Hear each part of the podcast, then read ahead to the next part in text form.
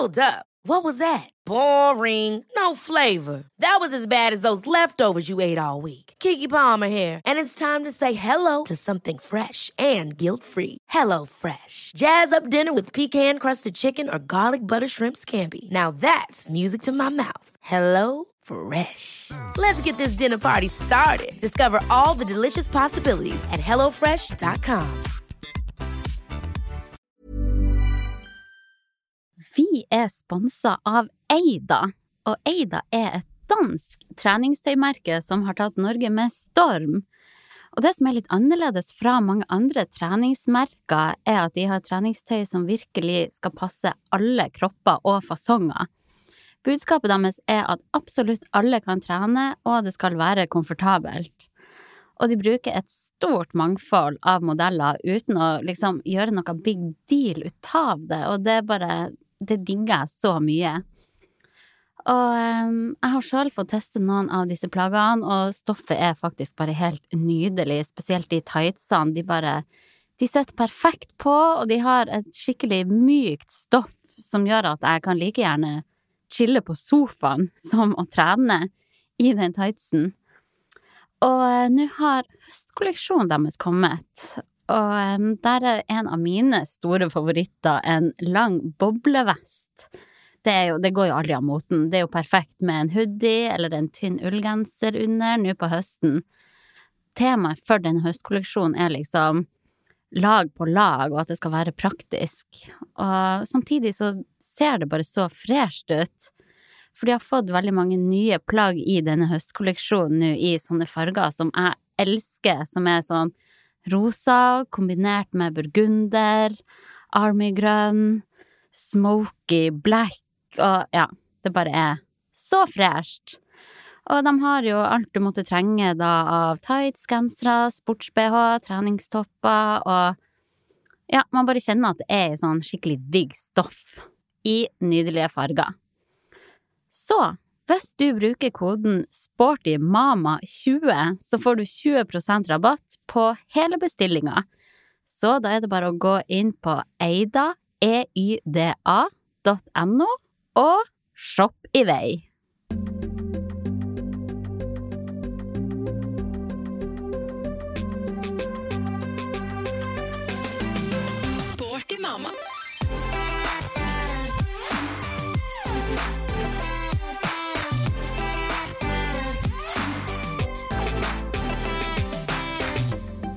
Vi er i gang. Nå må du ikke rape inn i mikken her. Sorry. Jeg har kullsyrevann. Oh, ja. De har jo Farris på sånne automatene her på, her på ShapeUp-kontoret. Ja, ja, ja. ikke noe tull. Nei, jeg var på vei til å spørre deg om noe, men du svarte meg ikke. Ok, få høre. Jeg Sorry. spør, ja, jeg spør om du har sjekka ut Tyson min. Du, det har jeg dessverre ikke. Har du ikke? Faen, nå ble jeg skuffa! Jeg legger jo Ja, jeg legger så mye jobb i den nå, jeg. Ok. Jeg har, fått helt, jeg har blitt helt hekta på Tice. Ja. Jeg tror jeg kommer til å selge hele klesskapet mitt snart. Ok, for du selger rubbel og bit, du. Ja, mest treningsklær, da, som ikke ja. Ja, som er lite brukt. Mm. Eh, og litt sånn sko og sånn. Men eh, ja, jeg merker at jeg Ja, jeg går liksom gjennom skapet mitt flere ganger. Hm. Er dette noe jeg bruker? Ja. Så tar jeg også liksom sånn Tenker jeg litt Nei, den har jeg ikke brukt siden da og da. Ja, men da legger jeg den ut. Ja. Og så Det er jo deilig, da. angrer jeg litt etterpå, når jeg blir solgt. Hva faen, hvorfor solgte jeg den, egentlig? Den er Du står og bare tviholder litt på de plaggene. Nei da. Men eh, ja, det er faktisk ny hobby, altså. Tice. Å, men det er deilig, da. det er så ålreit at andre kan få gleden av å bruke tøy Ja. som bare ligger i skapet mitt, da. Det er jo en vinn-vinn-situasjon. Du får en liten slant til eh, lørdagsgodt, og Ja. så, så får de nye, freshe treningsklær. Ja. Det er jo helt supert. Ja, veldig. Så det, det er virkelig noe jeg syns er morsomt å gjøre om dagen. Henge Ja. med på Tyson og jeg gjør på andre ting. Å, men det er artig, sånn- da. Mm. Det diggeste er jo hvis man kan få bud, at man faktisk slipper å møte folk. Ja. For det, Ja, for åh, det, jeg synes nå har jeg begynt å sende stress. pakker, men i starten gjorde jeg ikke det. Nei. For da følte jeg at det var litt stress, og så hadde jeg ganske mange interessenter per plagg. Å, så populær! Ja.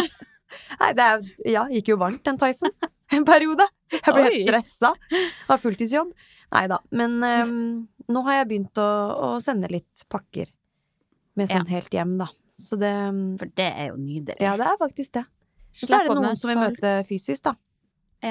For det syns jeg er stress. Nei, det syns jeg egentlig har vært greit. Står jo ikke lenge og prater. Jeg er bare sånn håper det passer. Ja. Det er ingen som spurte om autografen min foreløpig. Jeg har venta litt på den. Åh, ingen som vil ta selfie? Nei, det syns jeg er litt Ah, sånn Kjipt. Jeg er jo en kjendis, er jeg ikke det, da? Du er tross alt med i Sporty Ja. mamma. Hallo! Jeg er jo kjendis i Sporty mamma. Nei, Vi får eh, se. Ja, Plutselig. så sjekk ut Lotte Oxholm på Tice. Lurer inn litt reklame. Men uh, apropos Tice, da. Jeg har jo lagt ut noen uh, gravidklær der òg. Har du det? Ja, Men jeg, Så- jeg trodde jeg hadde alle gravidklærne ja det, dine. det trodde jeg egentlig jeg også, men så fant jeg at det var to topper som jeg brukte når Å, jeg var høygravid. Mm, Og de hadde passa deg veldig fint også. ok. Ja. Ja, hvor mye skal du ha for dem, da? Nei, det er 50 kroner per. Da får du halv pris. Kost, Jeg har egentlig lagt ut for 100. Ja, da vippser jeg deg etterpå. Ja. Den er god. Men jeg sitter jo her og fis i din tights Ja. eh, her og nå. Ikke fis den helt ut at det blir hull i den, for den skal jeg sikkert ha tilbake en gang i tida. Å. Det er det Rebook-tightsen, ikke sant? Ja, gravid Rebook tights. Den er Jeg elsker den. fantastisk. Den kommer til å være helt sunnslitt når du får den tilbake. Ja. Men altså, jeg ser for meg at vi sitter her om ett Mm. år, og så er det du som sitter i den gravid-tightsen Ja. her. Det, jeg vet ikke. Kanskje skjer det. Men eh, Jeg bare jeg har en Jeg bare viss følelse. jeg bare tenker, når skal vi drikke vin sammen da? Det er akkurat det. Vi klarer jo aldri å time disse barna. Nei, gjør jo ikke det. Jeg savner så år. å drikke vin med deg. For nå var du gravid første året, selvfølgelig. Mm. Og så, Og så med en gang jeg fikk kids, Mm. så fikk du. Ja. så ble jeg gravid. Og Og så så jeg- fikk du han ut, og så ble jeg gravid. Og så, og så kommer går du! Så Går nå går det dagene. Faste tralten, Ja. så kommer jeg til å poppe min unge ut, og da kommer du til å bli gravid. Og så skal du ha enda en, du, vet du. Jeg ser det på deg. Du, Du er ikke ferdig. Å, godt spørsmål. Mm. Jeg har jo sagt tidligere at jeg liksom Jeg ser for meg at jeg skal ha tre barn. Ja. Men um, så Jeg innbiller meg jo at jeg kommer til å stå der med to barn og tenke Hell to the no! Ja. Ja, For et sirkus. vanskelig å si. Ja. En ting av gangen. Ja. Men du, Ja. skal vi hoppe inn Skal- i kjernen? ja, vi gjør Eller har vi noe annet nytt å meddele før vi går løs på, Mm. på lytterspørsmål? Jeg kan si at jeg har vært på yin-yoga. Ja, det kan du si. Mhm. Nå har du sagt det. Nå har jeg sagt det. Da starter vi. Så morsomt, vet du. Åh, Det er rått. men uh, jeg prøver jo å bare få roa rogna litt, da. Ja. Og yin-yoga er jo helt nydelig. Ja. Jeg føler at den timen der, det var over på et blunk. Jeg var helt i sonene. Hva gjorde du da? Jeg lå der. Ja, for det er bare å ja, Ja, det er jo litt. Yin-yoga sånn. er jo veldig rolig. Da Ja. holder du hver positur i Mm. tre minutter. Ja. Minimum, og så skal du bare puste og Ja. ja. Beste jeg vet, er å ligge i baren. Da trives jeg best. Da slipper jeg, for det strekker ikke noen steder. Ja. det er deilig. Eneste er, det var mye sånn eh, greier, eller positurer, mens man ligger på rygg. Ja. Og jeg syns det er litt ubehagelig å ligge for lenge på rygg. Det blir så press nedover med Ja, ja, den store Mm. gravidmagen. Så ja, jeg fant nå litt sånn Jeg improviserte Ja, litt. du la deg litt i sideleie. Ja, jeg gjorde det. Ja. Nei, det så det bra. kan anbefales. Så det tror jeg at jeg skal prøve å gå på, i hvert fall én gang i uka fremover. Men hvor gjør du det hen, da? På Sats. På Sats, ja. Mm. Oh yes. Ikke reklame, men uh, det er nå der jeg er. Men det er bra. Ja. Det er derfor du lurte på om jeg skulle melde meg inn, da, for du ville ha noen å gå Ja, jeg vil ha en treningskompis der. Ja. Og jeg syns det er så deilig å, å starte dagen med å ta meg ei økt der, og Mm. så å bare dusje der og sånn. Mm. Da er man liksom klar. Ja. Jeg satte meg òg inn i det der eh, steam Steambadet, eller steamdusjen, eller hva det heter. Sånn her Mm. damp. Men så kom jeg jo på bare oh shit, gravide skal jo ikke være i sånn her. Nei, det kan bli for varmt. Så jeg sprang ut igjen. Ja. Dro med håndkle og bare Ja.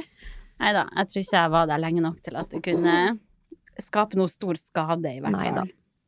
Men det er jo Jeg syns det er fort gjort å glemme sånne ting. Her om dagen spiste jeg òg en rett med litt ingefær i. Ja. Og det skal jo heller ikke gravide Nei. ha. Men skulle jeg begynne å brekke meg da og få det opp igjen? Jeg kunne jo ikke det heller. Jeg spiser sushi med ingefær. Er ikke det med ingefær, da? Sånn derre Ja, det er den der de- sylta ingefær. Ja. det skal man ikke spise som Eh. gravid. Så ikke det, nei? Nei. Ja, Men det gikk nå bra, da. ja de gjorde det. Ja. Det går nok sikkert fint, det her òg. Ja. Men man skal vel ikke ha så altfor store mengder. Nei da. Men ja, Ok. jeg bare nok kjas Og tenk på om det var noe annet jeg spiste som ikke Nei da. For det, så lenge du tar ting i ovnen, sånn som med tanke på eh, Det er jo sånn kjøtt- Ja, og kjøttpølser og sånn derre Ja. spekeskinke, Mm, bris det må være stekt, så er det greit. Ja. Men jeg føler ikke at jeg Jeg spiser jo ikke det til vanlig Nei, det gjør ikke det. Så det er egentlig ingenting jeg savner. Nei. Det er ikke noe som er sånn Å, det skal jeg spise når jeg er ferdig med å bli gravid. Nei. Eller jeg skal ta meg et glass rødvin, da. Ja. Det savner jeg. Det skjønner jeg. Og Prosecco. Ja. To, tre, fire To, Tre, fire. glass. Inne på barselhotellet der. Da kommer jeg inn med Proseccoen.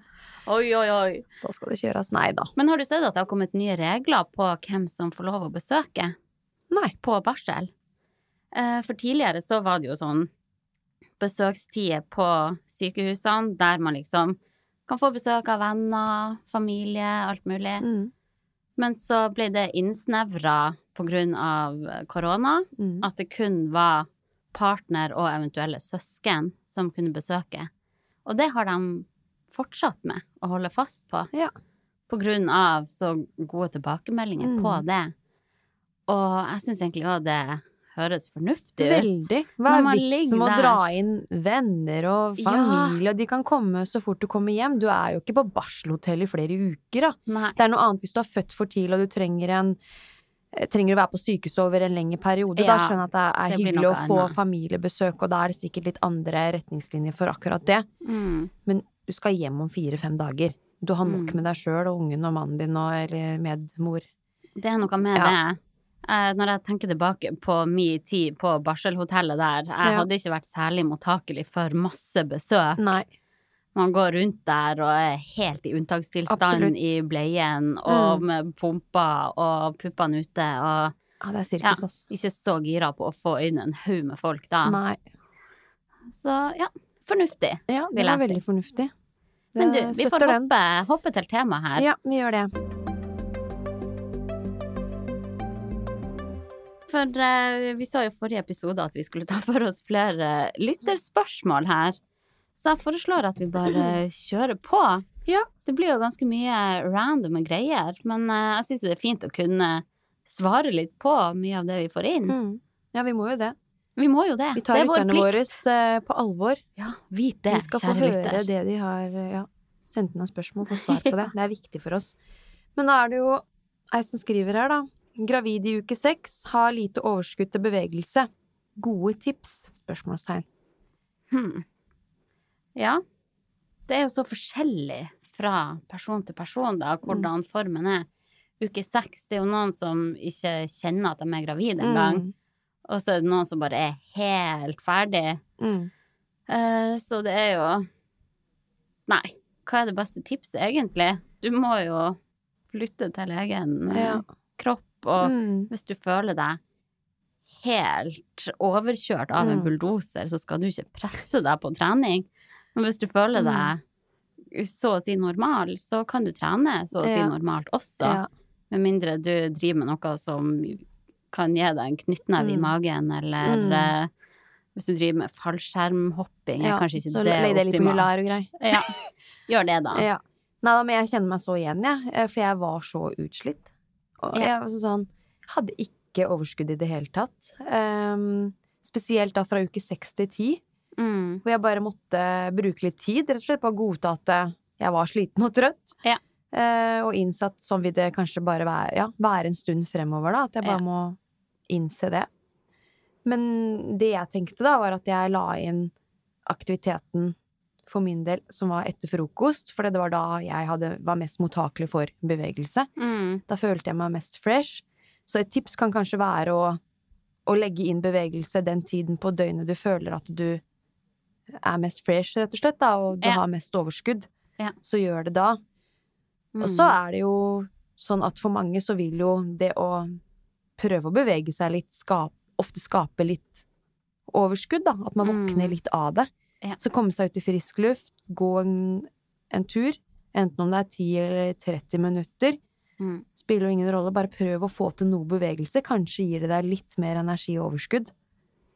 Det er så lurt å tenke at nå er jeg sliten Ja. og har så lite overskudd at jeg orker ikke å gå, men så handler Så det om å prøve å, å gå over den Mm. dørstokkmila noen ganger, Ja. uavhengig om du er gravid eller ikke, og så skaper den bevegelsen form for energi og, og lysten til å være mer aktiv, da. Det kan bli en god sirkel Ja, hvis du det. først bare pusher deg litt for å komme Ja. i gang. Selv om det sånn ikke er logisk, på en måte. Når man er Ja. sliten, så tenker man at man trenger hvile, Ja. men det er ikke alltid man trenger det. Nei.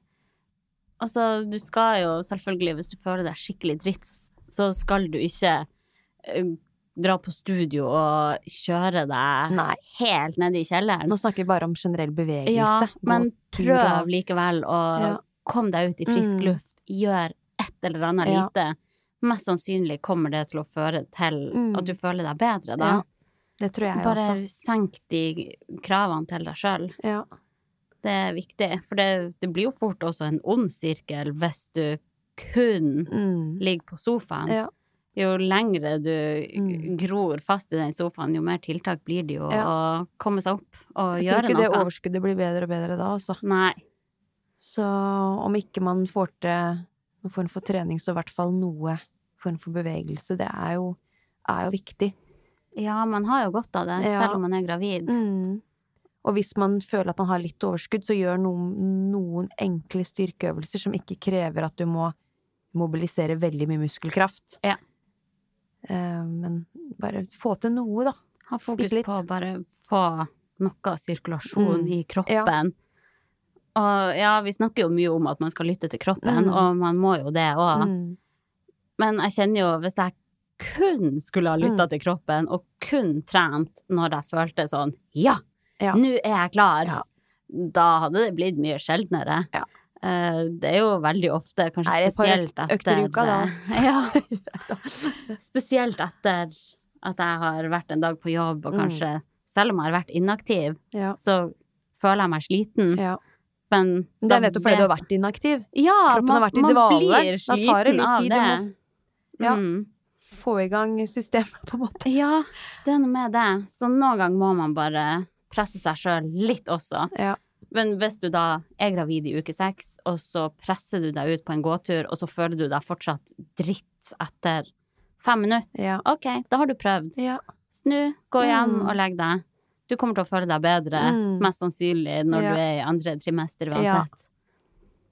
ja. Ting endrer seg etter hvert. Mm, det Det det. er jo litt sånn Kall det sjokk for kroppen i starten graviditeten. Ja, det er, så jo i starten alt skal er dannes. Mm. Det er jo sykt mye som skjer. Ja. Man skal jo ha respekt for det også. Så man Ja, det er en veldig spesiell og rar følelse. Åh, ja. På godt og vondt, Det det. på en måte. På godt og vondt. Skrekkblanda fryd. Ja. Eh, men så er det ei som spør blir man noen gang klar for å bli gravid. Fra ei som er glad i trening, men ønsker barn. ja. Og det er jo Jeg fikk faktisk inn flere spørsmål som går på samme tema. Og da jeg skjønner det spørsmålet så godt, for jeg tenker jo Ja, jeg var jo veldig der sjøl òg, at eh, jeg var ikke klar for å bli Nei, gravid for to år siden. Men jeg bare jeg er så evig takknemlig for at det bare skjedde, for Mm. nå vil jeg jo bare ha flere barn. Mm. Og hvis jeg hadde venta til jeg hadde vært 100% klar for å få barn, da hadde jeg kanskje venta til jeg var i slutten av 30-årene, starten Ja. av 40-årene. Ja. Hvem vet, kanskje det hadde vært vanskeligere for meg å bli Mm, gravid da. Det ja. vet man jo ikke. Eh, så jeg bare er så glad for at det bare skjedde. For det er jo veldig mange som Noen føler seg jo helt klar og har kjempelyst på barn, Mm. mens noen har jo går og tviholder veldig på Mm. livet man har, Mm. og er livredd for den forandringa, Mm. meg sjøl inkludert. Men så er det jo sånn Når barnet er der, så angrer man aldri uansett. Og så sier hun at hun er glad i trening, Ja. men ønsker barn. Men da tenker jeg at du kan jo fortsatt trene som gravid. Og kanskje det bare kan være ei kul, Utfordring. ny utfordring. Mm. Sette seg helt andre mål. Ja. Observere hvordan kroppen forandrer seg, og bare bli fascinert av hvor mye, mye kroppen får til, da. Ja. Selv med et barn i magen. Mm. Det syns jeg var ganske kult. Det er jo det. At jeg fremdeles kunne kjøre pullups da i uke 37. Og Ja, men det er jo rått, med litt ekstra vekter. Ja, men det er bare, bare sånn dum greie, da, fra min side. At Ja, jeg ja. syns det var litt kult, liksom. Men eh, det er ikke det man må Eller nødvendigvis må kjenne på, men bare det det Mm. mestringa, da, ved å få til bevegelsesbaner som man også Mm. klarte når man ikke var gravid. Ja. Og senke krava og bare være glad for det lille man får gjort, da. Mm. I tillegg. Så klart. Det, det blir en annen type mestringsfølelse når man får trent som gravid. Men det er klart, hvis hun er toppidrettsutøver, da, Ja. da skjønner jeg at ok, hvis du blir gravid, så må du kanskje legge den karrieren på hylla, Mm. i hvert fall for en periode. Ja. Uh, så jeg kan jo skjønne at det sitter lenger inne Mm. da, hvis man lever Mm. av en Ja. idrett. Så hun var jo veldig glad i trening, og sikkert er redd for at kroppen endrer litt sånn kroppssammensetning og fasong Mm. og den slags, fordi man har en kropp som tillater seg å gjøre, gjøre den treningen Mm. man ja, får til sånn effektivt, da. Ja. Så Men så må man jo tenke da at eh, når du er glad i trening, da vil du i hvert fall komme tilbake til det igjen. Mm. Da vil du krible etter å, å få trent igjen, og da vet man jo også at formen vil, vil stadig bli Ja. bedre etter en graviditet, Den vil jo det. fødsel. Så Ja. du kommer tilbake til der du slapp før du ble gravid. Absolutt. Ja. Jeg tror jeg også Jeg var veldig redd for det der da jeg Mm. gikk gravid. Jeg tenkte sånn Ingenting blir det samme. Ja. Og har liksom hørt om alle disse gravidkiloene som folk ikke blir kvitt, Mm. og alt det der. Men eh, jeg, jeg opplevde ikke det. Nei. Jeg følte at jeg var kjapt tilbake igjen, Mm. uten at jeg la inn så mye innsats. Ja. Eh, Men det handler jo om prioritering, og hun sier at hun elsker trening. Ja. Hun kommer til å elske trening med barn også. Det gjør hun. Og, Kommer tilbake til samme nivå hvis det er det som er ønskelig. Ja. Så det må hun ikke engste nu, seg for. Nei. Nå med barn også. Jeg føler at jeg har så mye større hverdags... Eller mer hverdagsaktivitet Mm. enn det jeg hadde før. For nå er det Ja, jeg er veldig mye aktivitet. Ja. Og jeg trives godt med det. Og så kommer man til å sette enda mer pris på de treningstimene man får i uka, da, når man Ja. har et barn. Og vi har jo begge opplevd at vi er mye mer effektive på trening. Mm. Nå har vi den timen, nå gønner vi på. Ja. Så jeg syns ikke at Jeg syns jeg får like god respons på treninga nå som det jeg gjorde før jeg var gravid. Mm. Virkelig. Eh, om ikke mer. Man Fordi må man, er mer til stede smart. i økta der og da. Og Ja. eh, hvis hun er veldig glad i trening, kanskje hun trener for mye. Ikke vet jeg. Mm. Men eh, ikke la det ønsket om å få barn på en måte påvirke graden du er glad i Nei. trening. Det blir Ja, jeg, det, er mye, det er jo mye større å få et barn, Ja, på en måte. Så hvis man ja, får, får et barn, så kan man få begge det beste, beste av begge ting, da. Mm. Det jo veldig sånn stort spørsmål. Når bør jeg få barn? Det er jo vanskelig for oss å sette og anbefale det. Ja. Og vi har jo begge to fått barn og har fått erfare hvor for et Mm. nytt perspektiv i livet Mm. det gir, og for en enorm lykke. Ja. Uh, og det, det kjenner man ikke på før man får barn. Men det er jo lett for oss å sitte og si ja, bare bli gravid. Ja. Nei, det er jo ikke sånn For det er jo ikke bestillingsvare, virkelig. Um, men ja, hovedpoenget her er jo at hun, hun ikke skal la det at hun liker å trene, mm. gå på bekostning Ja. av eh, ønsket om barn, da. Mm. Svarte vi greit på den, Ja, eller? tror det. Da er det noen som spør hvor tidlig syntes magen under graviditeten? Og når fortalte dere om det offentlig? Ja. Ja. Skal du begynne? Jeg kan det. Eh, For min del så Jeg følte egentlig begge gangene at den magen kom veldig fort fram. Jeg merka bare etter noen få uker at buksen ble litt mer trang og sånn. Mm. Eh, fikk bare den der oppblåste følelsen, Ja, på en måte. gjorde jeg. Ja, Veldig. jeg kjente at klærne stramma mer, og, Mm. men jeg tror nok det tok litt tid før andre så det på meg. Men eh, jeg vet ikke. Det er jo litt teit å si, men jeg har alltid vært liten, og da vises det Ja. kanskje kjappere. Jeg Ja. vet ikke. Nei. Jeg følte i hvert fall at eh, Mm. ja, bare etter noen få uker Ja. så så jeg det. Men det var sånn, så fort jeg testa positiv for graviditetstesten, så gikk jeg i Ja. speilet og bare sånn hm, Ja, der er det noe, ja. her har det allerede blitt en liten uh, lite barn, holdt jeg på å si.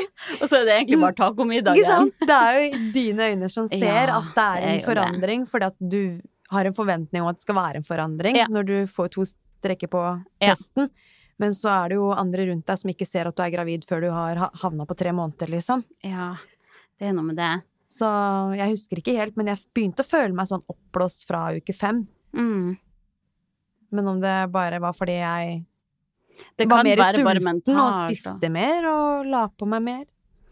Ja, Fordi jeg spiste konstant i graviditeten. Jeg var så sulten. Jeg òg.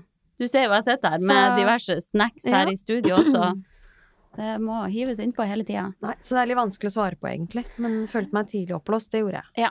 Men jeg føler jo nå den andre graviditeten at jeg har fått mage kjappere, da.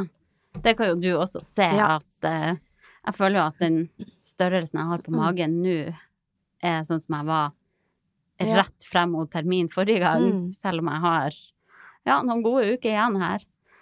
Um, så de sier jo at det Mm. er vanlig. Ja, det er visst normalt. Mm.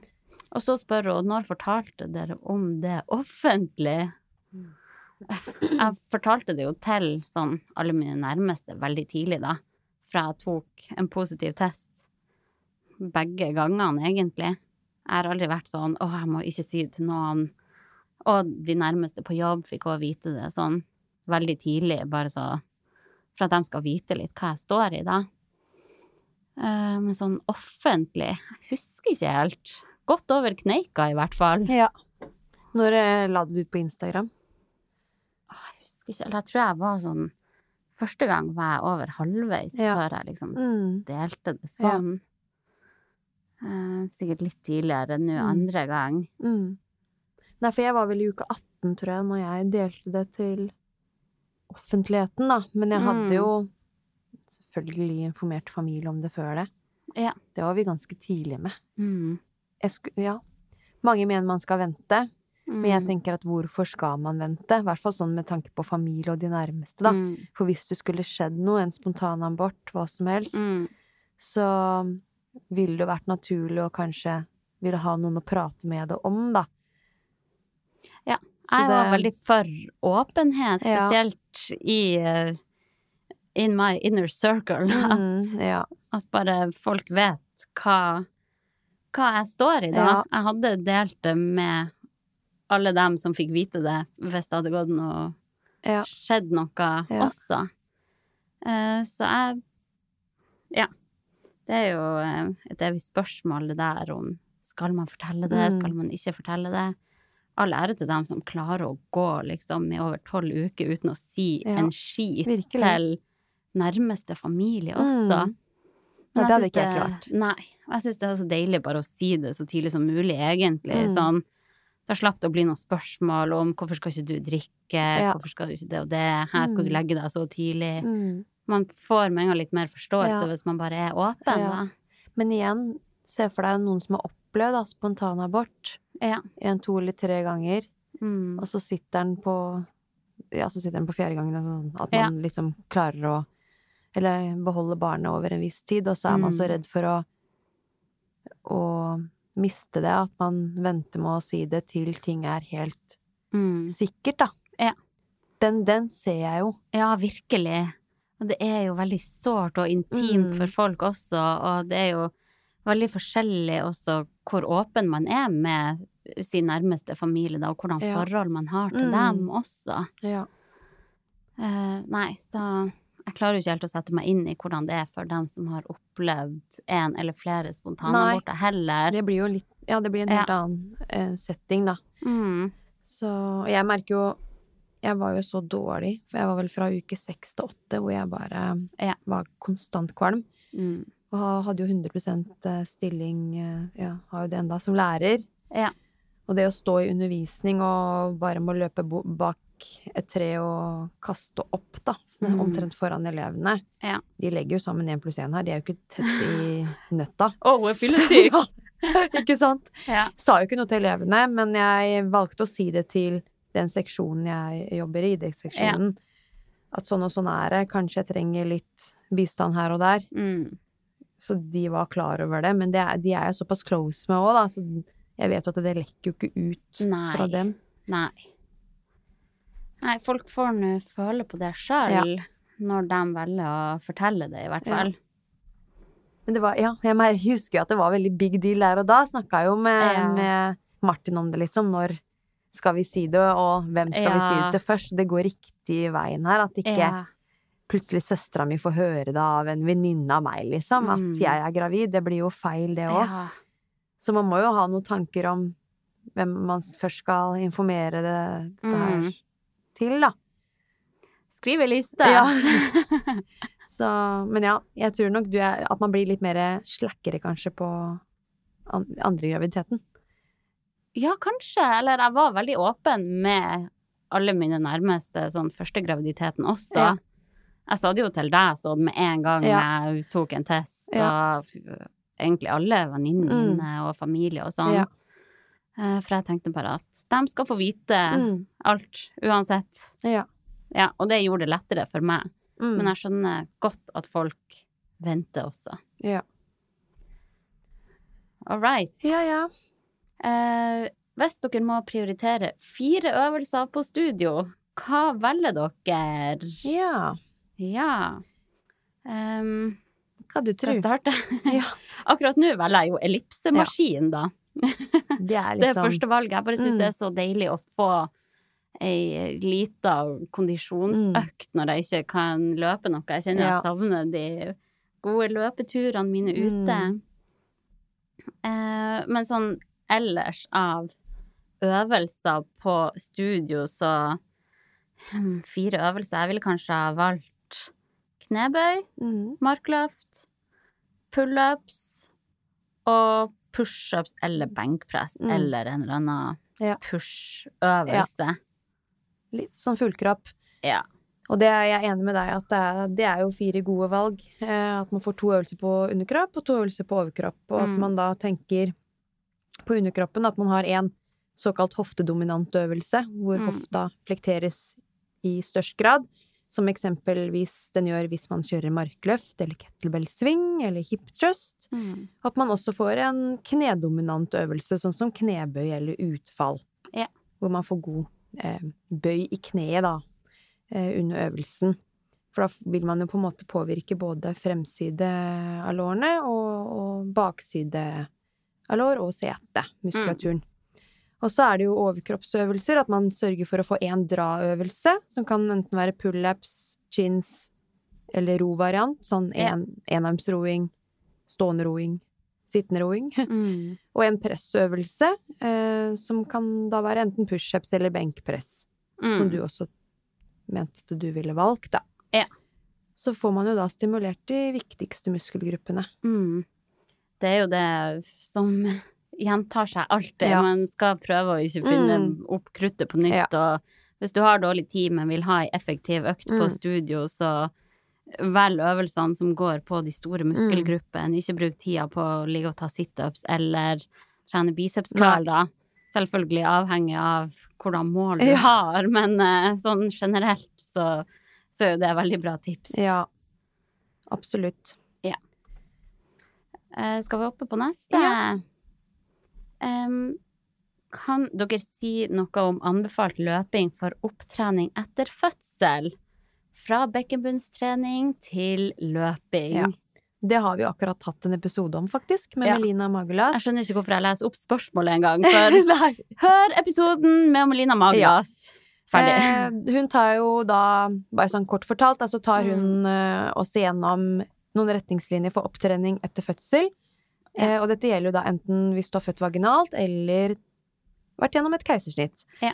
Og det er da en ekspertgruppe som består av forskere og fysioterapeuter som har utarbeida en slags, kall det guide, for hvordan man kan komme seg tilbake til spesifikt da løping etter fødsel. På Mm. da en trygg måte. Mm. Um, ja, så det jeg råder Ja, tipset er vel egentlig bare å klikke det inn på episode 21. Der får du alt får du måtte alt. lure på. Ja. Litt mer eh, dypt. Ja. Stegvis. Veldig interessant. Mhm. Så sjekk det ut hvis ikke du har gjort er jo så flink, og det er så deilig å bare å høre på en person som er så Mm. stødig i feltet. Ja. Veldig, veldig bra. Og så er det ei som spør hvordan begynne å tørre å løpe med vogn. Mm. Hun tenker da tørre med tanke på barn, barnet. Ikke seg selv, regner jeg Ja, det var det jeg lurte Ja. litt på, for jeg tenkte sånn, er det noe man må tørre? Ja.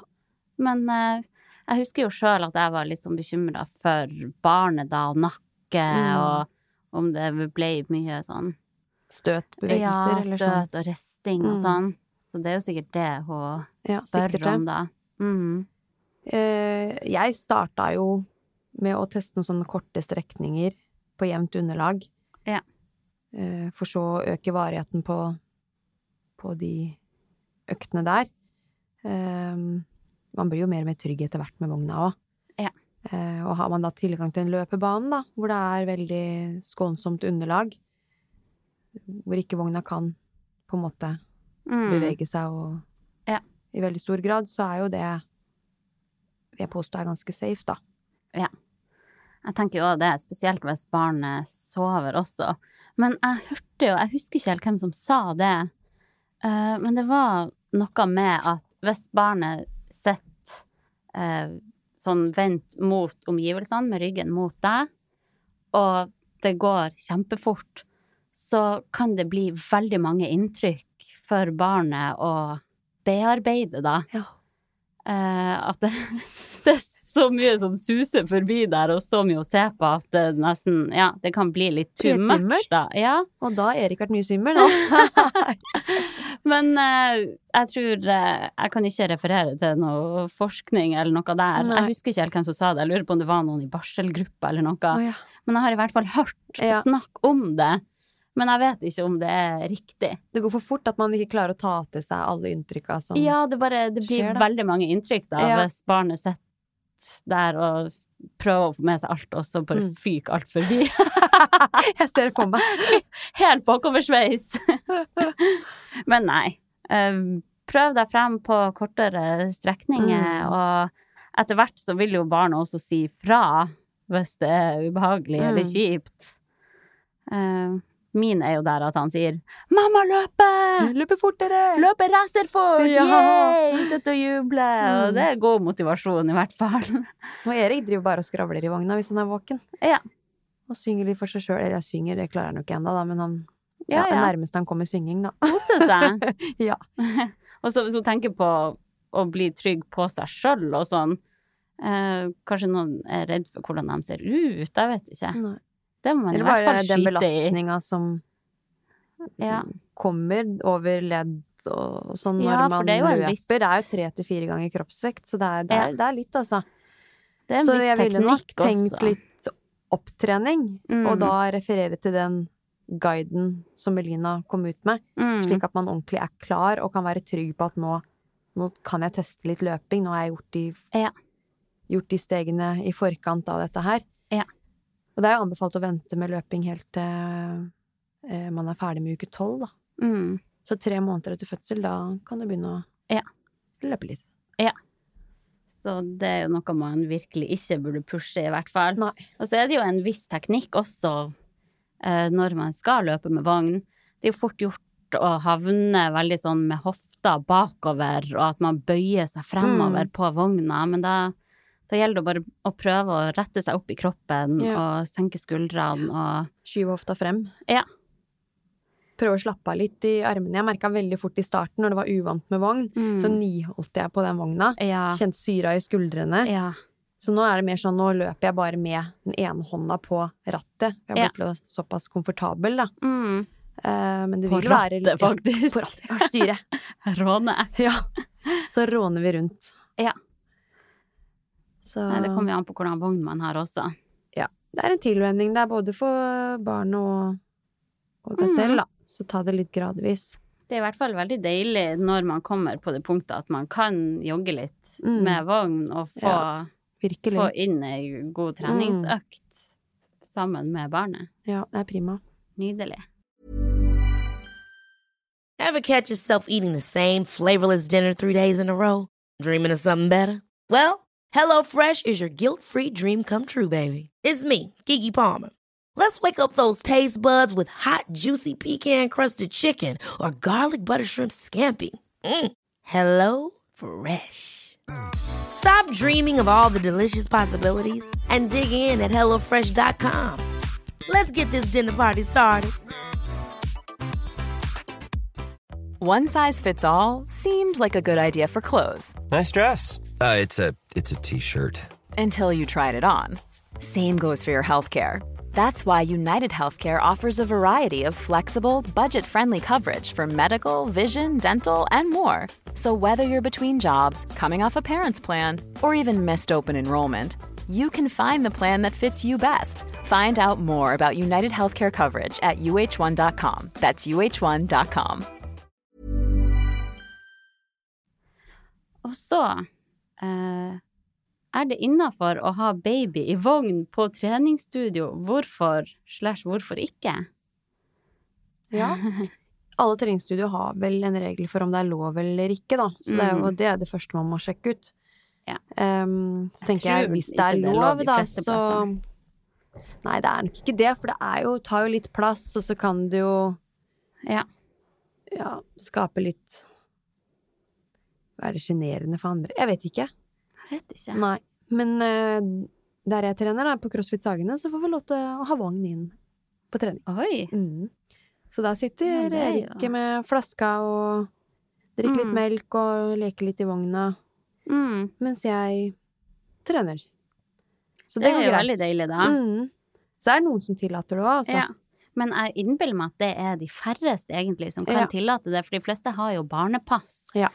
Og jeg tror de fleste plassene er barneplassen åpen fra sånn Mm. seks måneder eller noe. Mm. Det er jo veldig tidlig, da. Ja. Eh, men det er vel en grunn til at de har det tilbudet. Ja. Og jeg ser jo for meg sånn på treningsstudio, det blir fort veldig trangt og sånn Mm. hvis det skulle ha vært masse barnevogner der. Ja. Eh, I hvert fall på et treningsstudio hvor du har veldig mye stasjonære apparater og ting tar plass, da. ja. Er du i en crossfit-boks, så er det ganske cleant, og du drar bare fram en stang, og så Ja. gjør du det du skal der, for eksempel, og så Ja. Ja, mye mer åpent. Mm. Så da blir det litt annerledes. Men ja, det hadde vært deilig å kunne tatt med babyen inn Mm. på studioet også. Ja. Uh, for uh, jeg var i hvert fall litt sånn hønemor. Eller barnepassen var jo stengt da det var aktuelt for Ja. meg av korona. Mm. Men jeg ser jo for meg nå med barn nummer to at det kommer nok til å sette litt inne og Ja. levere barnet ifra seg på barnepassen, da. Mm. Eh, I hvert fall når han er veldig liten. Ja. Nei, jeg venta jo en stund. Mm. Da hadde jeg allerede hatt Erik litt i, på trening med meg, da. Ja. Men så kom det til et punkt der hvor han ja, veldig mye over 30 minutter, da begynner han å kjede seg litt. Mm. Det skjønner jeg jo. Ja. Og nå stortrives jo han i barnepassen. Ja, jeg følte meg ganske trygg når jeg- Ja. Ja. Så jeg satt den vel der når, sek, når han var seks måneder eller noe. Ja. Kanskje det var litt senere, når jeg tenker meg om. Men det har gått kjempefint. Han trives så godt der, og det er, det er så deilig. Mm. Åh, det høres ut som en vill luksus. Mm. Du har ikke den tidsklemma nå, i hvert fall. Nei. Du får Ikke på som samme bare måte. det, Nå er det du. mer den jobben, sånn forberedelse til jobben uh, som lærer. Ja. Og det som skjer over nett, og ja, litt andre ting. Den da, jævla som- podkasten du er med i! Det er det verste. det er oppslukende, altså. Å, det er så Neida. sinnssykt mye jobb! Neida, men vi forbereder oss jo litt. Det er jo ikke sånn at vi tar opp på hælen hele tida. Nei, det skal jo være ordentlig, det vi leverer her. Ikke bare tull og tøys her, altså. Nei, Nei. vi er to Hei, hei. seriøse folk. Eh, Opplevde dere at melkeproduksjonen avtok da dere startet med trening igjen? Nei, det har jeg ikke tenkt så veldig mye over. Nei. Men man øker jo aktivitetsnivået med trening, da, og Ja, det er jo Det er jo kanskje lett for å Man skal i hvert fall prøve å unngå å ligge i kaloriunderskudd, det har vi snakka om allerede. Ja. Så da må man jo spise mer for mm. å unngå at det skjer. For i hvert fall på Ammehjelpen da, så står det at de skriver på sine sider at et inntak på mindre enn 1500 kalorier per dag over lengre tid vil for de aller fleste gi nedsatt melkeproduksjon. Ja. Og det vil være vanskelig å få i seg tilstrekkelig med vitaminer og mineraler. Mm. Og hvis du mangler da vitaminer og mineraler, så vil disse heller ikke finnes i melka. Mm. Og da går det igjen utover eh, babyen. Mm. Så et såpass lite inntak eh, kan jo da i verste fall føre til økt frigjøring av miljøgifter fra fettvevet. Ja. Siden man da blir liggende i Ja, ligger I kaloriunderskudd. Ja, Mm. riktig. Så hvis man merker at melkeproduksjonen går veldig ned i aktivitet, da ha en anelse eller en tanke eller mistanke Mm. om det, da, så ville jeg nok forsøkt å sette litt på okay, hvor mye kalori får jeg i meg. Mm. Husk at det er Siden det påvirker, kan påvirkes av det, da. Ja. Hvis man spiser for lite. Og det er klart det kan det. Og husk at det er veldig energikrevende å Mm. produsere morsmelk. Veldig. Og kroppen trenger masse næring for Ja. å klare det. Mm. Eh, Men jeg innbiller meg jo for de fleste så går det litt av seg sjøl fordi man blir så sulten Mm.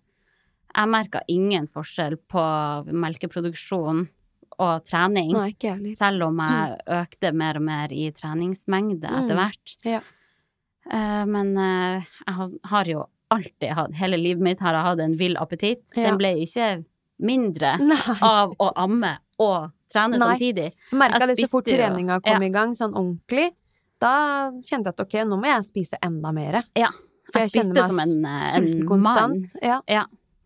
Eh, Så gå på sult, sultfølelse er jo Ja. viktig, men også hvis ikke man har den ordentlig innarbeida, at man sørger virkelig for å få i seg nok. Ja. Prioriter maten. Og det er klart det er lettere sagt enn gjort når man er i denne kaotiske småbarnsfasen, og ja, plutselig får man ikke spist sjøl, da. Nei. Men Jeg kjøper ikke helt den heller. For hvor vanskelig kan det være, da, å Ja. smøre ja. seg tre, fire, fem brødskiver med et eller annet digg på, liksom? ja, for jeg, det har jeg jo tenkt. Jeg har jo hørt veldig mange som sier sånn Å, jeg får ikke spist sjøl, det er så mye å gjøre.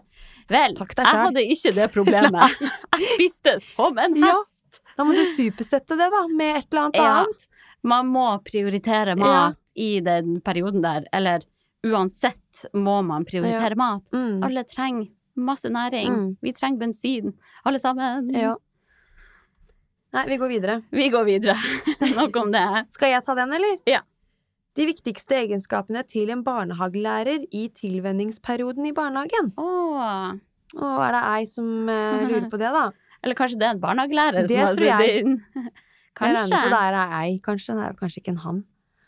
Det er, det er noen sporty pappas der ute Det hadde vært hyggelig. som uh, følger oss, holdt jeg på å si. Som lytter Kanskje noen få. Uh, nei, det er jo Hvor jeg skal begynne? Jeg tror jo vi har ganske høye krav til de ansatte i barnehagen.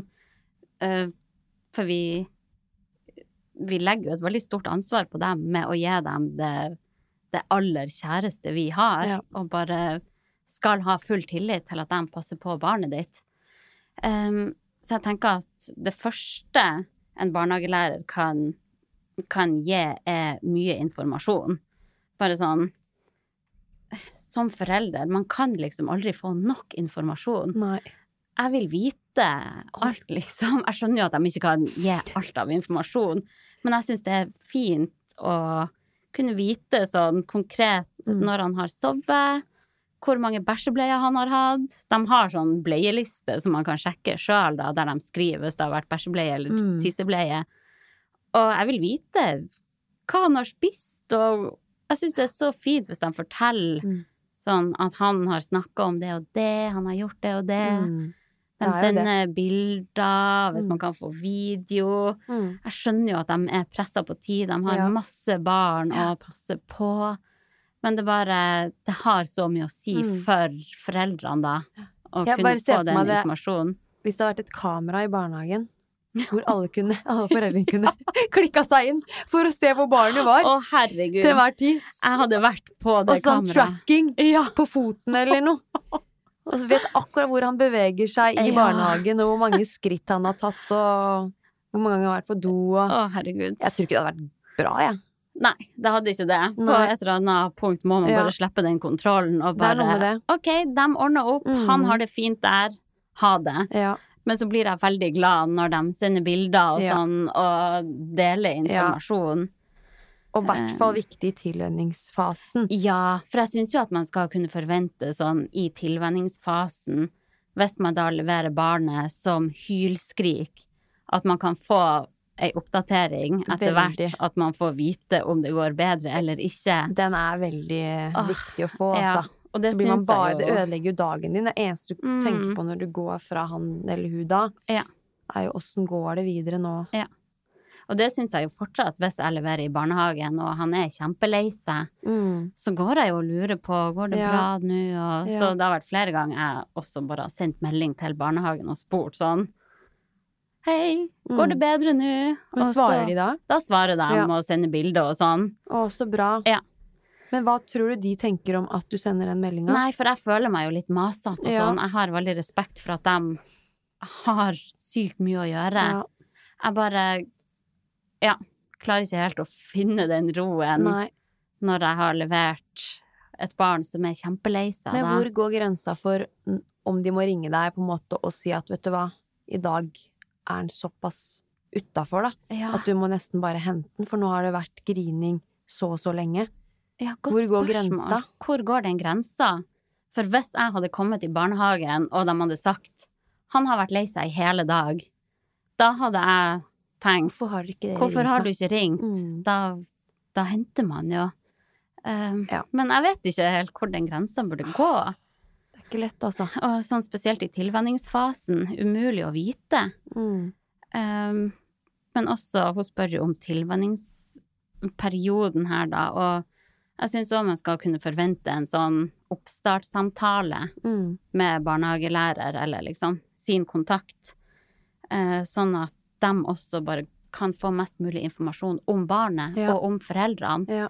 At de kan få vite hva gjør han glad, Mm. hva gjør han redd, Mm. hva gjør han Eller hun lei seg. Um, hvem Har dere noen dyr vi kan snakke om, som gjør at Mm. Ja. han får tanker på andre Ja. ting? At hvert barn ja. har en egen journal, nesten, da, Mm. i barnehagen. Vi kan klikke inn og se litt, og lese litt, og Ja. Og jeg syns jo at man skal kunne forvente at hvert barn blir møtt med noen som kommer og tar imot. ja. For i den første barnehagen vi Mm. starta i, så var det ikke alltid sånn. Da var det bare sånn Bare satt han der, jeg kommer og Nei. skal bare gjøre det og det. Og skulle jeg sette en gråtende unge alene på en benk Altså, åh, det skjærer hjertet Det bare jeg tenker høre, altså. på det. Ja. Ja. Helt forferdelig. Ja, det er ikke noe gøy i det hele tatt. Sånn kan det ikke være. Nei, da må de få flere midler Ja. og ansette flere, da. For det, det må være trygge voksne Mm. der og ta imot hvert barn. De skal bli sett og hørt og Ja. fra start og Det er så Ja. viktig. Veldig mange barn syns jo det er litt sånn tøft å bli levert. mm, Så det å ha et trygt fang å komme til, og Ja. det å ja, få tankene lede over på noe annet, det er så viktig. ja. Men igjen, de som jobber i barnehage er hverdagshelter. All ære Mm. til dem. Det er ikke bare å fikk- møte alle barns behov, og så ulike de er, Ja. og Virkelig. Og det er klart, hvis det er tre voksne på jobb, da, og så er det tolv barn, og så har den ene bæsja oppover ryggen, og de andre er kjempelei seg, og noen er sulten, og noen må skifte, og hvordan gjør man det? Du er en Ah. superhelt som Og så må man kanskje tisse sjøl. Ja. Hva gjør man? Det kommer i siste rekke. Tisse på seg. Virkelig. Gå med bleier sjøl, si. Åh, nei, jeg skulle ønske at de ansatte i barnehagen fikk millionlønn, for det, det fortjener dem. Ja. Ingen tvil om det. Men uh, det er ingenting nytt på din barnehagefront, eller? Jeg har ikke hørt noe ennå, men jeg regner med at det snart kommer en uh Ja, kommer litt informasjon, da. Ja. Jeg håper i hvert fall det. Men du Nå har vi jo søkt på å komme inn i november, Ja. slik at han ja, krysser fingrene for at han kan komme inn i desember, da. Mm. Men igjen, Da er han har ett år. ikke et krav på barnehageplass første leveår når du er desemberbarn. Nei. Så det kan godt hende at det ikke skjer noe før i januar. Mm. Og jeg begynner i 100% jobb på Ja, som lærer eh, 1. desember. Ja. Så hele desember da, det, da må Ja, da Martin eventuelt ta, Mm. ta ut pappaperm fra da, da. ja, har han mer perm å ta? Ja, han har ikke brukt noe av permen sin ennå. Siden han starta en ny Ja, jobb, så valgte vi da å endre på det. Mm. Mm. Ok. Så sånn nå det. Satser på Du får holde oss oppdatert da Ja. når du vet mer der. Det blir spennende. Ja. Ja. Ja, spørsmål. Neste spørsmål.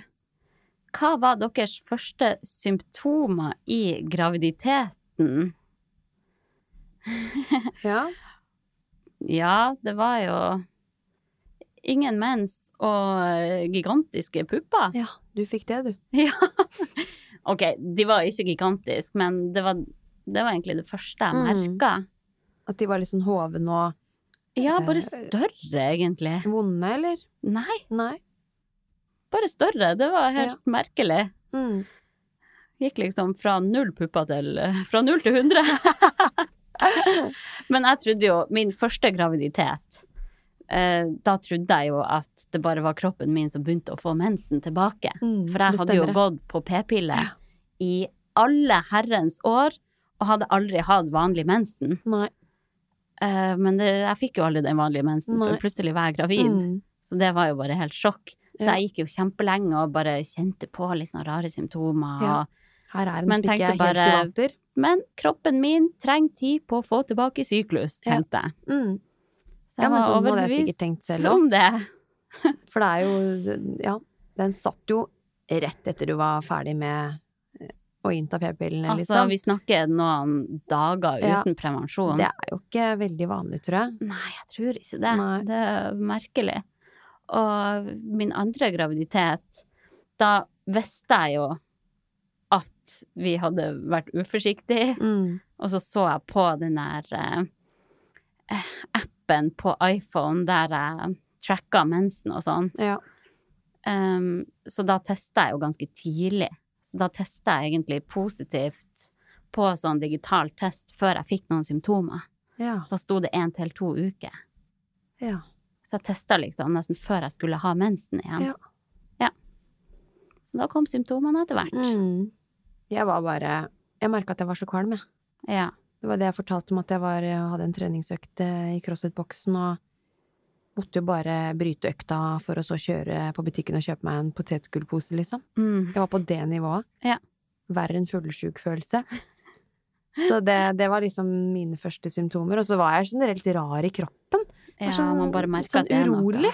Mm. Det var noe som, ja, Ja. ikke var sånn som det Mm. skulle. Ja.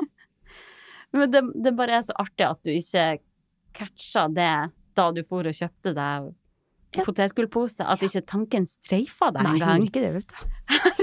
Så pottetett. Kan ikke bli gravid, jeg. Nei. Lyset er på, men ingen hjemme. Bruker jo også prevensjon. Not! Det er rart med det hvor sjokka man blir selv om man vet at man har gjort noe som kan føre til en graviditet, så blir man helt sånn Nei, det kan ikke skje meg! Nekter, liksom. Nei, det er så dumt at det Så jævlig ja. På tide å vokse opp. Ja. Ja, men uh, nytt spørsmål. ja. Hvordan trene med vondt bekken? Ja, det regner med at den personen her er gravid, kanskje, da. Ja, eller kanskje har født. Ja, det kan også hende. Hmm. Men uh, ellipse er jo veldig Mm. skånsom, da. Ja. Og svømming. Og svømming, selvfølgelig, hvor ikke du får de der støtbevegelsene på leddene Ja. som kan trigge vondten i bekkenet. Mm. Uh, så ja, må, må prøve å trene rundt, rundt det vonde, da. Man må jo det. På den, den måten der. Kanskje jobbe med aktiviseringsøvelser Mm. igjen, og bare prøve. Altså, man må jo vite hvorfor man har vondt i bekken, da. Og oppsøke hjelp for Ja, å bli det kvitt kan også være en smerten. god idé. Det kan jo være mye forskjellig. Mm. Um, men mest sannsynlig er det kanskje opptrening som kreves, da. Mm. Og da gjøre tilpassa øvelser. Ja. Være tålmodig. Mm. Det er jo kjedelig å gjøre sånne Ja, det det, syns jeg jo sjøl. Ja, jeg er enig i det. Men eh, det, Det sies jo at det er viktig. Ja, Og knipeøvelser og alt det der. Angrer ikke på det. Det er Man gjør det ikke å det. Få gjort eh, arbeidsoppgavene sine og Ja. komme tilbake til samme treningsnivå etter en fødsel enn å sluntre unna bare fordi man er utålmodig. Ja. Og så ja, har man ikke vært nøye nok, da, så begynner man å kjenne ting. Åh, jeg burde gjøre mer knipeøvelser, men jeg klarer ikke å gjøre det. Det er så kjedelig. Ja.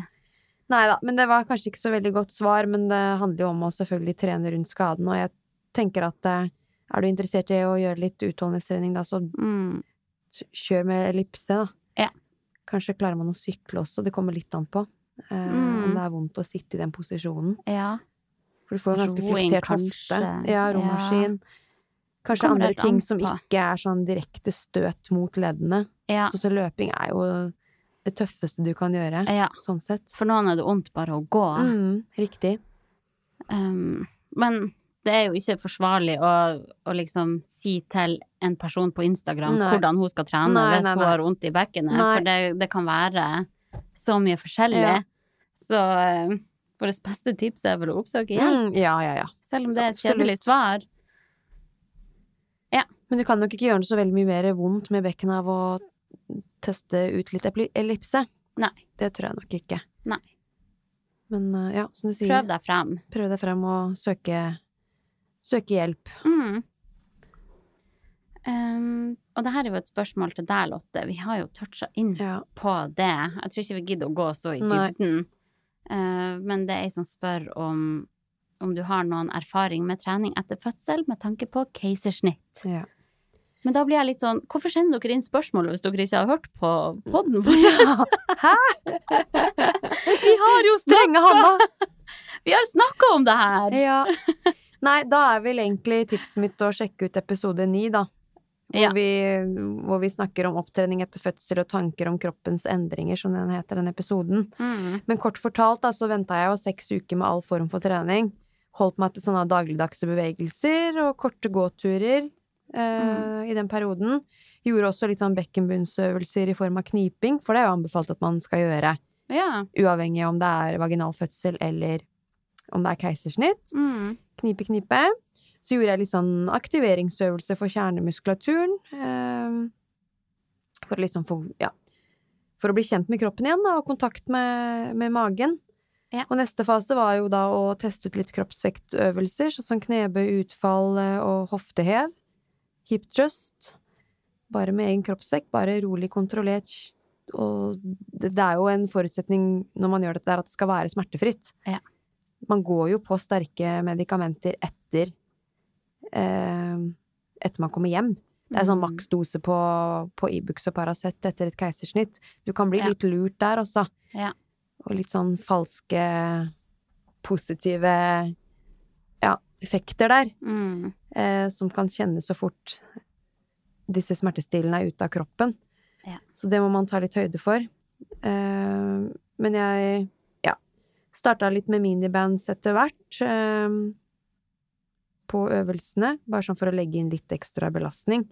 Det var mest sånn minibands for overkropp, for å kjenne, få i gang muskulaturen litt. Mm. Kjenne litt muskelaktivering, og så la jeg på litt minibands på underkroppsøvelser etter hvert, og trappa det opp til vektvest.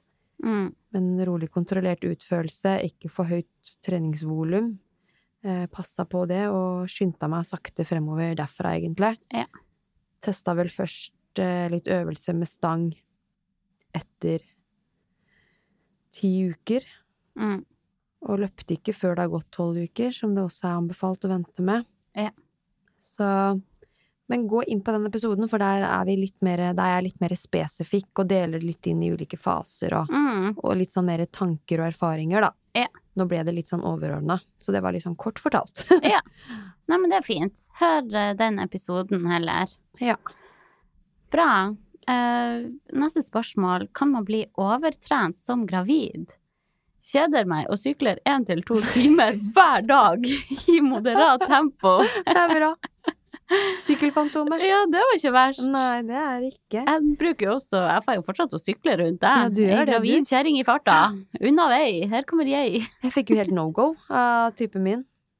Å ja, men du er jo ekstrem, da. Du er jo på landeveissykkel Ja og racersykkel, liksom. Ja. Jeg bruker, det som, ja. jeg bruker det som fremkomstmiddel. Jo da, men ting kan jo skje i trafikken nå. Du, Ja da, jeg vært- sykler jo uansett hvor jeg skal. ulykker. Ja. Du er jo i en sårbar posisjon hvis du blir kjørt over med bil. Du er ikke den sterke sterkeste da av dere to, på en måte. Bilen Nei. og sykkelen. Nei, kanskje jeg bare må holde meg inne Ja. Nei da. for å være trygg. Ja, men du er rå, da, som sykler litt. Jo, takk. Um... Holder på fortauet, da.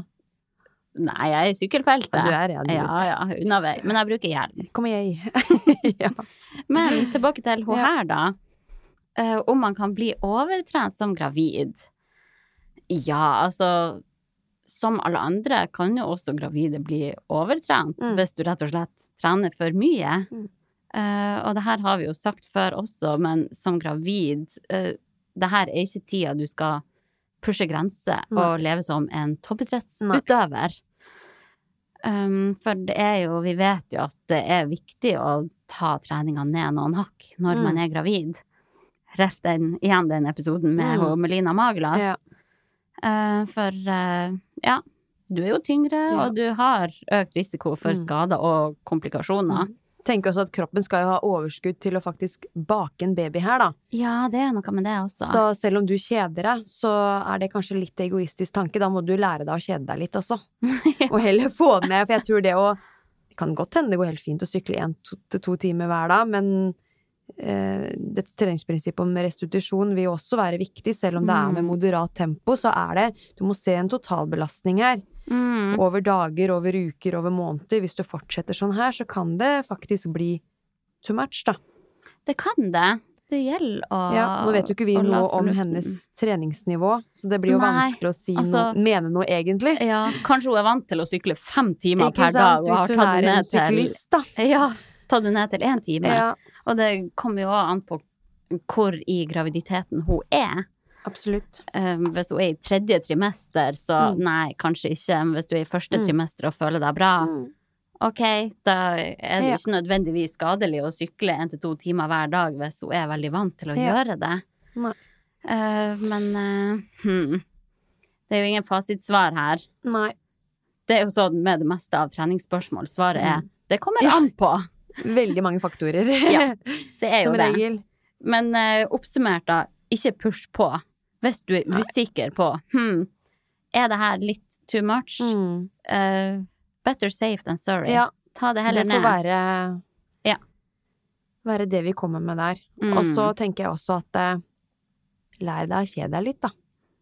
Eller finn andre ting å gjøre. Vet du hva, det å kjede seg, det, jeg syns det høres ut som en luksus. Jeg kan ikke huske sist Nei. jeg kjeda meg, hadde tid til overs. Ikke tommeltotter, liksom. Ja. At man har Ja. tid til overs til å Mm. gjøre helt andre Mm. ting. Herregud, Nei. det skulle jeg gjerne Ja. ha hatt. Ja, det, ja, noen ønsker å kjede seg mer, og andre mindre. Eneste gang jeg kjeder meg, er hvis jeg står i køa på butikken, liksom. Det er kjedelig, altså. Ja. Det blir veldig fort kjedelig. Men sånn, hvis hun plutselig har én til to timer til overs fordi hun ikke skal sykle så mye, tenk alt det artige Ja. man kan gjøre da. Mm. Heldig. Sånn som på serier og Ja. slappe av. Dra på shopping, gå på kafé. Hva enn. Skal vi ta siste spørsmålet? Før vi Å runder ja, vi har ett spørsmål Ja. igjen her. Det er jo til deg, det. Til meg, Skal ja. jeg lese det opp? Ja. Hva tenker du om barnets kosthold siden du ikke spiser kjøtt? Jeg orker Var det veldig Ja, men vi bare har fått inn Vi får alltid inn de Ja. spørsmålene der. Ja. Det er så mange som spør. Jeg trodde du lo av måten jeg spurte deg på. ja. Det er så formelt. Du er nå litt formell Ja, noen gang, men det er bra. Ja. Skal være seriøst. Ja, hva tror du? Eh, ja, hva, hva tror du? Jeg føler jeg har svart på det her mange ganger. Men eh, det er jo tydelig at det engasjerer, da. Det at jeg ikke spiser kjøtt. Og jeg tror jo at veldig mange er litt sånn eh, Kommer litt mer og mer mot det at de ikke ønsker å spise så mye kjøtt sjøl. Så det gleder meg jo å se. Eh, men akkurat nå, nå er jo eh, barnet mitt to år, og jeg har bare fokus nå på at han skal oppleve hele matuniverset. For ja. Per nå vil jeg ikke sette noen føringer eller grenser på hva han skal spise Nei, og den har du vært veldig klar på, da.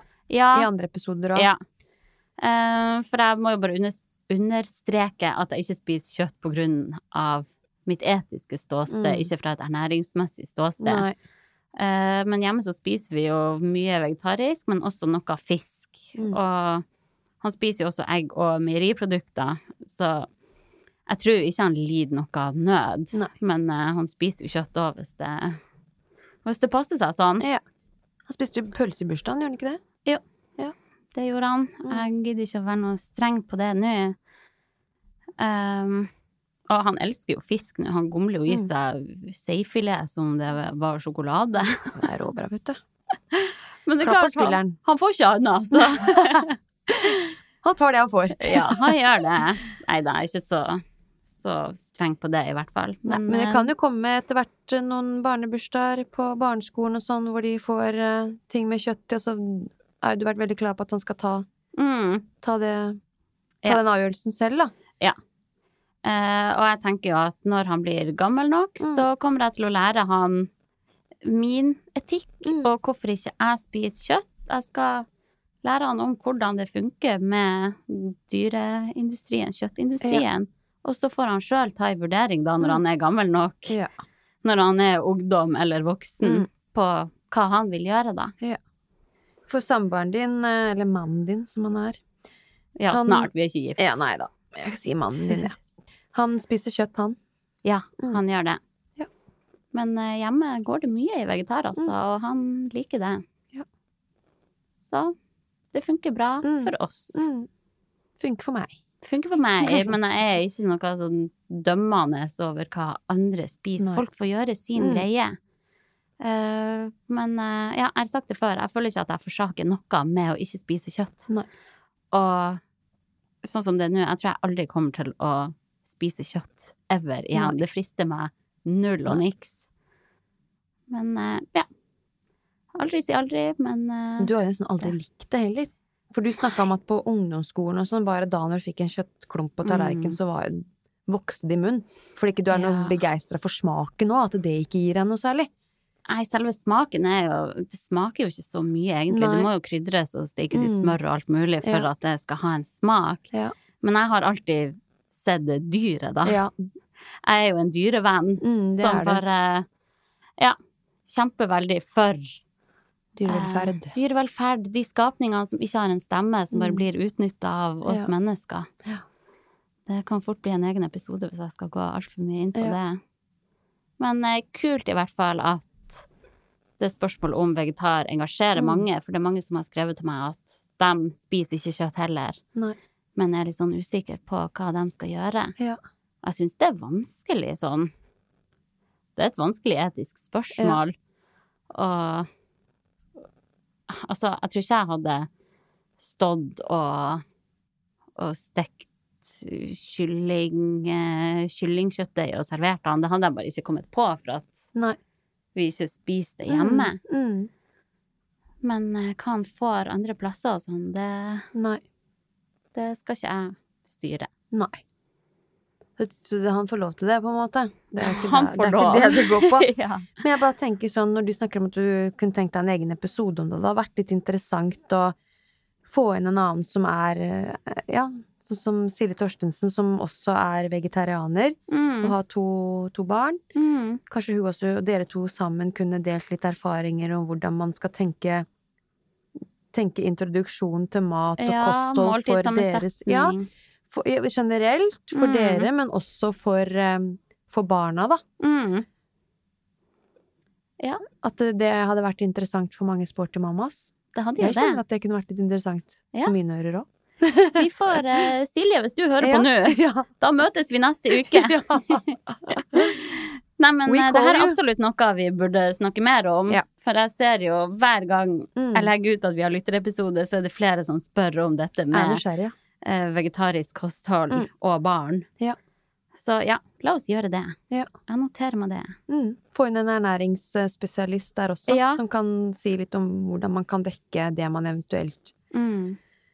Taper av næringskilder ved å unngå Ja, ved å ikke spise kjøtt, da. Mm. Hvordan man skal tenke sammensetning Ja. for å fremdeles få et fullverdig kosthold, da. Det er klart, i Mm. min drømmeverden så hadde jeg jo sett at det ble servert mat overalt som er bærekraftig og Ja.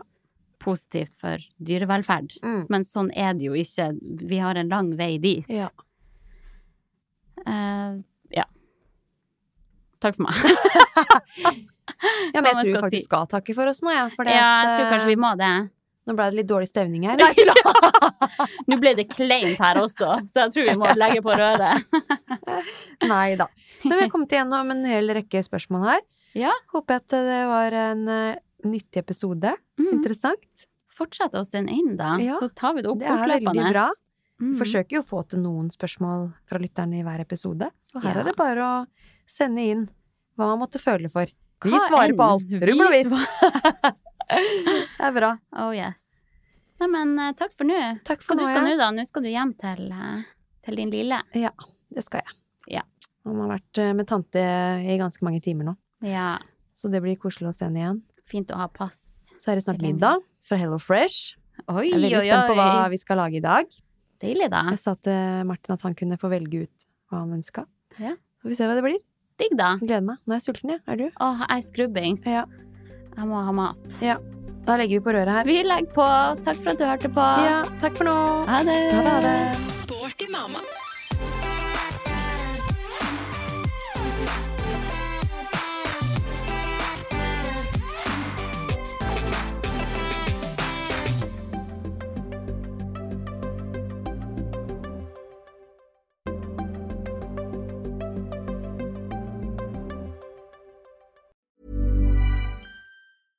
Even when we're on a budget, we still deserve nice things. Quince is a place to scoop up stunning high-end goods for 50 to 80% less than similar brands. They have buttery soft cashmere sweaters starting at $50, luxurious Italian leather bags, and so much more. Plus, Quince only works with factories that use safe, ethical, and responsible manufacturing. Get the high-end goods you'll love without the high price tag with Quince. Go to quince.com slash style for free shipping and 365-day returns. Hold up. What was that? Boring. No flavor. That was as bad as those leftovers you ate all week. Kiki Palmer here, and it's time to say hello to something fresh and guilt-free. Hello Fresh. Jazz up dinner with pecan-crusted chicken or garlic butter shrimp scampi. Now that's music to my mouth. Hello Fresh. Let's get this dinner party started. Discover all the delicious possibilities at hellofresh.com.